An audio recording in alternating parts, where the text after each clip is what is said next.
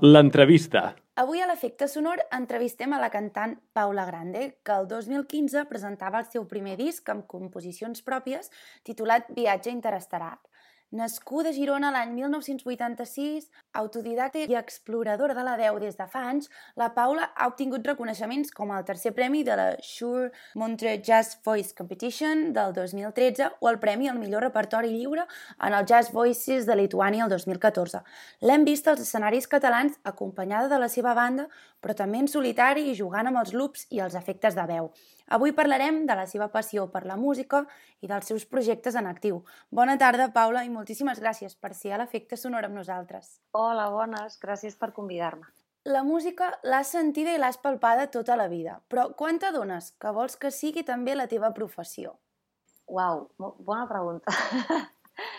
doncs va ser, de fet, ara al juny farà tres anys que, diguéssim, vaig, vaig decidir dedicar-me per complet a la, a la música, així com, com a professió. I, bueno, feia més temps, diguéssim, que sentia que tenia ganes que fos així, però, bueno, hi havia com certs impediments, sobretot personals, o sigui, mentals, no? barreres mentals, que, que una mica pues, que, que m'ho impedien, o sigui, m'ho impedia jo mateixa, diguéssim. Era una cosa com molt estranya. I, i res, doncs això, fa, diguéssim que que així professionalment i només això fa tres anys. El jazz i el soul són els dos estils que potser més et defineixen, però també el hip-hop darrerament. De quina música has begut al llarg de tots aquests anys?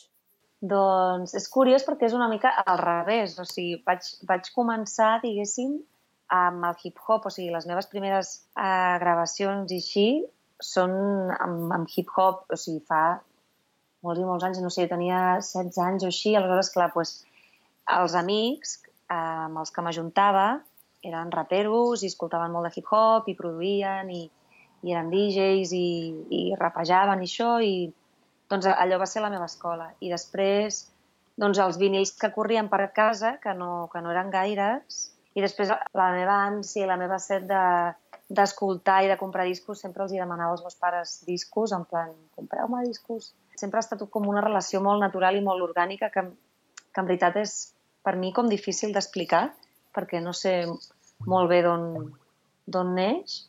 Mm, I doncs això, llavors, diguéssim que va ser primer els discos que hi havia a casa, hi havia molta música eh, llatinoamericana, salsa, bolero, sobretot, i també recordo els vinils de Bob Marley, de Tracy Chapman, i llavors tot l'altre va, venir, va venir amb els amics. I el jazz va ser com el, la gran descobrimenta i va ser a través d'un disc recopilatori on hi havia diversa gent i, i el que més em va impressionar a mi va ser un tema de l'Ella Fitzgerald, que és aquell que, uh, que diu I want the waiter with the water, I want the waiter with the water for my daughter. Aquest. I em va, vaig dir, uah, què és això, tio, això mola molt. I bueno, doncs pues no sé, una mica el camí s'ha fet així, amb referències vàries i molt diverses. Què significa per tu, doncs, el llançament del viatge interestel·lar, aquest teu primer disc? Culmina en ell la recerca i l'exploració musical de tots aquests anys? Sí, en veritat, Viatge Interestel·lar, és, quan l'escoltes, i jo, jo quan l'escolto, és com dic, vaya barreja d'idiomes, per començar, de això que tant li agrada dir a la gent estils, però ho direm perquè així ens entenem, és com una barreja molt gran i en veritat és molt una, és una mostra d'una mica el que sóc jo musicalment, una petita mostra. I després sento també, ara que ja té un temps, el viatge interestel·lar, que és com que lo... una de les coses molt guais d'un disc és que és, un, és una cosa que, que és d'aquell moment. I llavors ho guardes i quan l'escoltes i el mires és com hòstia, vale, jo estava així en aquell moment, ara és diferent. Sí, o sigui, el, el, el viatge interestel·lar, clar, és com el, és, el, és el primer disc, és el primer fill, és el primer dir, vale, ara ho farem i, i tot el que he anat guardant i recopilant, no tot, eh, però bueno, una gran part del que he anat guardant i recopilant ho deixo anar aquí, perquè llavors, bueno, ja saps tu també que, clar, després es fa com un procés de selecció, no? De dir, trio això, trio l'altre. Però sí, sí, sí que ho sento una mica així com un pam. Això és el que ha anat passant. Doncs, si et sembla, escoltem una de les cançons incloses dins d'aquest disc perquè els oients del nostre programa puguin descobrir la teva veu i la teva música.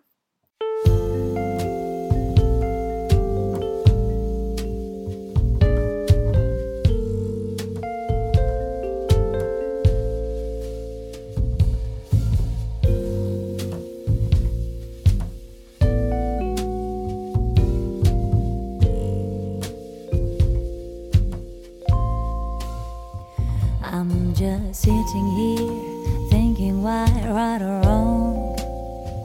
If I only wanna be me,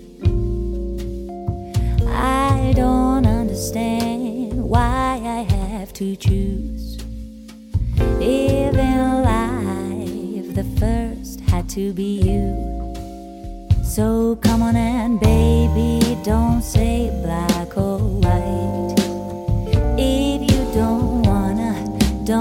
to decide. So come on and baby, don't say black or white.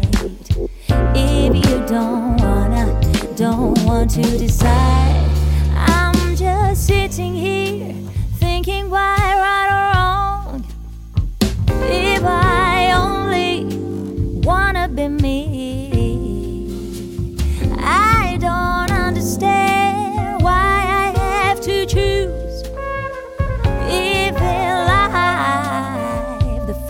to be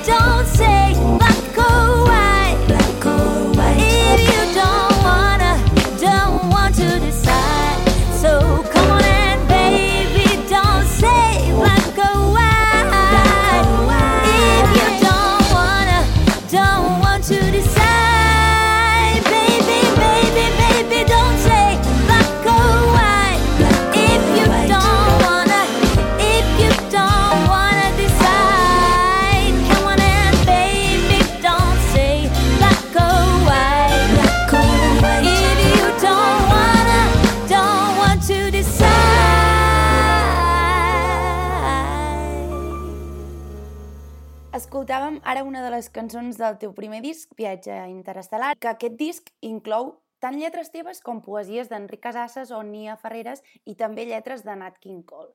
Què has volgut explicar a través d'aquestes cançons? Doncs per mi ha sigut una espècie de, de regal que és com si ell m'hagués triat a mi i jo no l'hagués triat a ell. Les lletres, per exemple, són un super reflexe d'això que dic.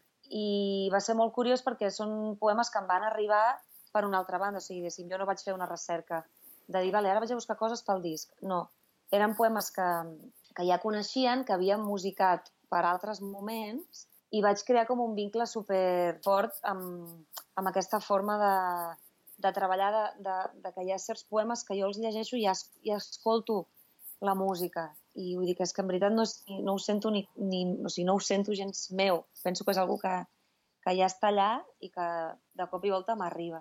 I aleshores el que sí que em va agradar és que tots tenien com coses en comú, doncs eren lletres que parlaven de l'amor, que moltes vegades feien referència al paisatge i és, és algo de lo que jo veig molta inspiració, no? M'agra- M'agrada molt la natura, el mar, sobretot, i, i, i veia, veia tot allò en, aquesta, en les lletres. Aquestes cançons i la teva música han viatjat molt perquè vas fer gira per Llatinoamèrica. Com va sortir aquesta oportunitat i quina ha estat l'experiència de portar la teva música a l'altra banda de l'Atlàntic? Ai, això va ser tan guai, que m'emociono.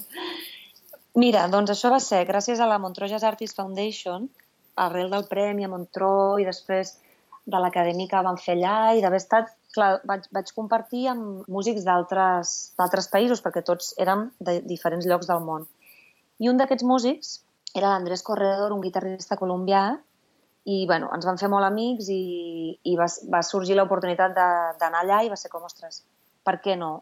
I doncs, bueno, Montró va ser qui ens va connectar i després ells em van ajudar també perquè va haver-hi un altre guitarrista l'any següent, que jo ja no el vaig conèixer, que també va guanyar el segon premi com, com l'Andrés, uh, l'Héctor Quintana, un guitarrista cubà, i doncs uh, amb els compis, amb en, amb en Quimi, sobretot amb en Quimi Saigi, productor del disc i que també va, estar en aquesta gira, vam dir, ostres, i si saltem a Cuba?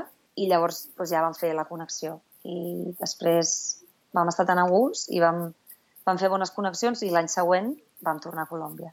Que bé. I la veritat que va ser una experiència molt guai perquè, clar, cantar en català també és molt... O sigui, cantar un català, en català en un lloc on no t'entenen és molt curiós i és, sempre explico que la major part de la gent es, pens, es pensen que, que, és, que, que les lletres són en portuguès. Confonen el català amb el portuguès i, i això m'agrada molt, perquè crec que el portuguès és una llengua molt, molt melosa i molt maca. I, i res, però molt bé, molt bé, la gent, o sigui, molt, molt bona acollida i, i guai. I nosaltres vam, vam aprendre molt perquè vam fer, o sigui, com que vam poder compartir amb músics d'allà, en els bolos, al final vam acabar fent com una barreja, vam fer arreglos amb, doncs, amb música folclòrica d'allà, va, ser, va ser un procés molt guai, molt maco. Recentment hem pogut veure't en concerts en solitari, acompanyada del teu loop. Pels que no hi estiguin familiaritzats, el loop o l'úper és una pedalera eh, que permet processar efectes de la veu. Tens ganes d'explorar una vessant més electrònica, de la veu o d'altres estils com el rap, per exemple? O què t'enganxa d'aquest loop?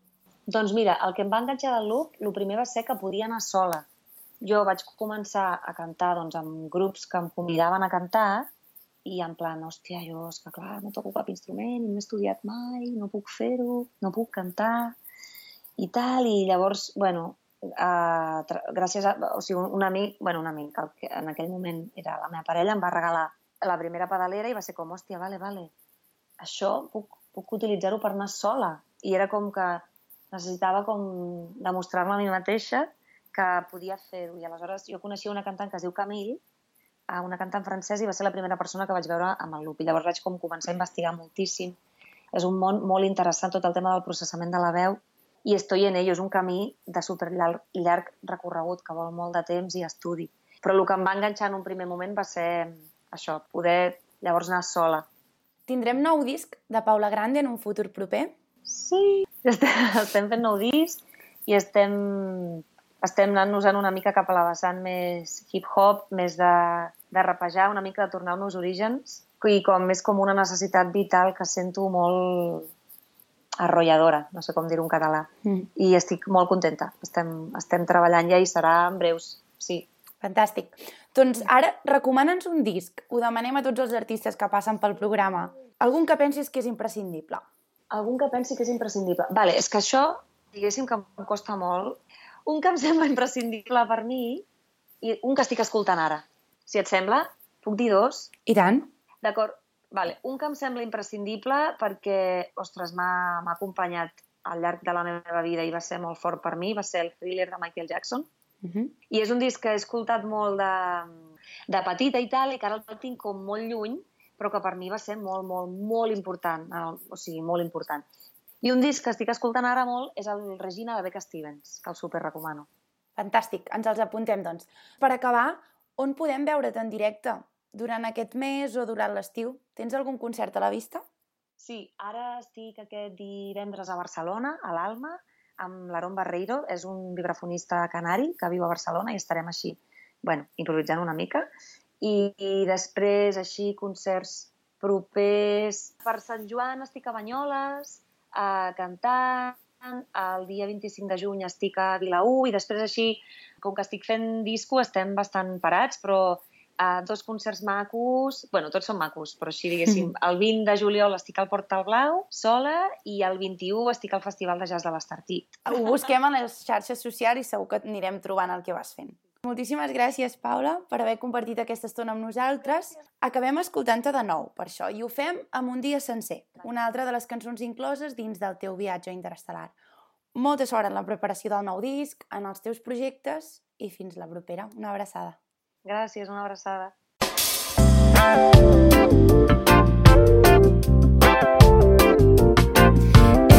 És tan amunt, sembla que no hi arribo no estan tan lluny. Si miro cap a dalt puc veure-li la cara. S'amaga però atentament el busco amb els ulls. Sempre he pensat que podria fer un viatge. Trepant les herbes, les fulles i els troncs muts. Que callen els silencis, la remor dels arbres. Callen perquè els ocells hi cantin asseguts. Oh, oh, oh,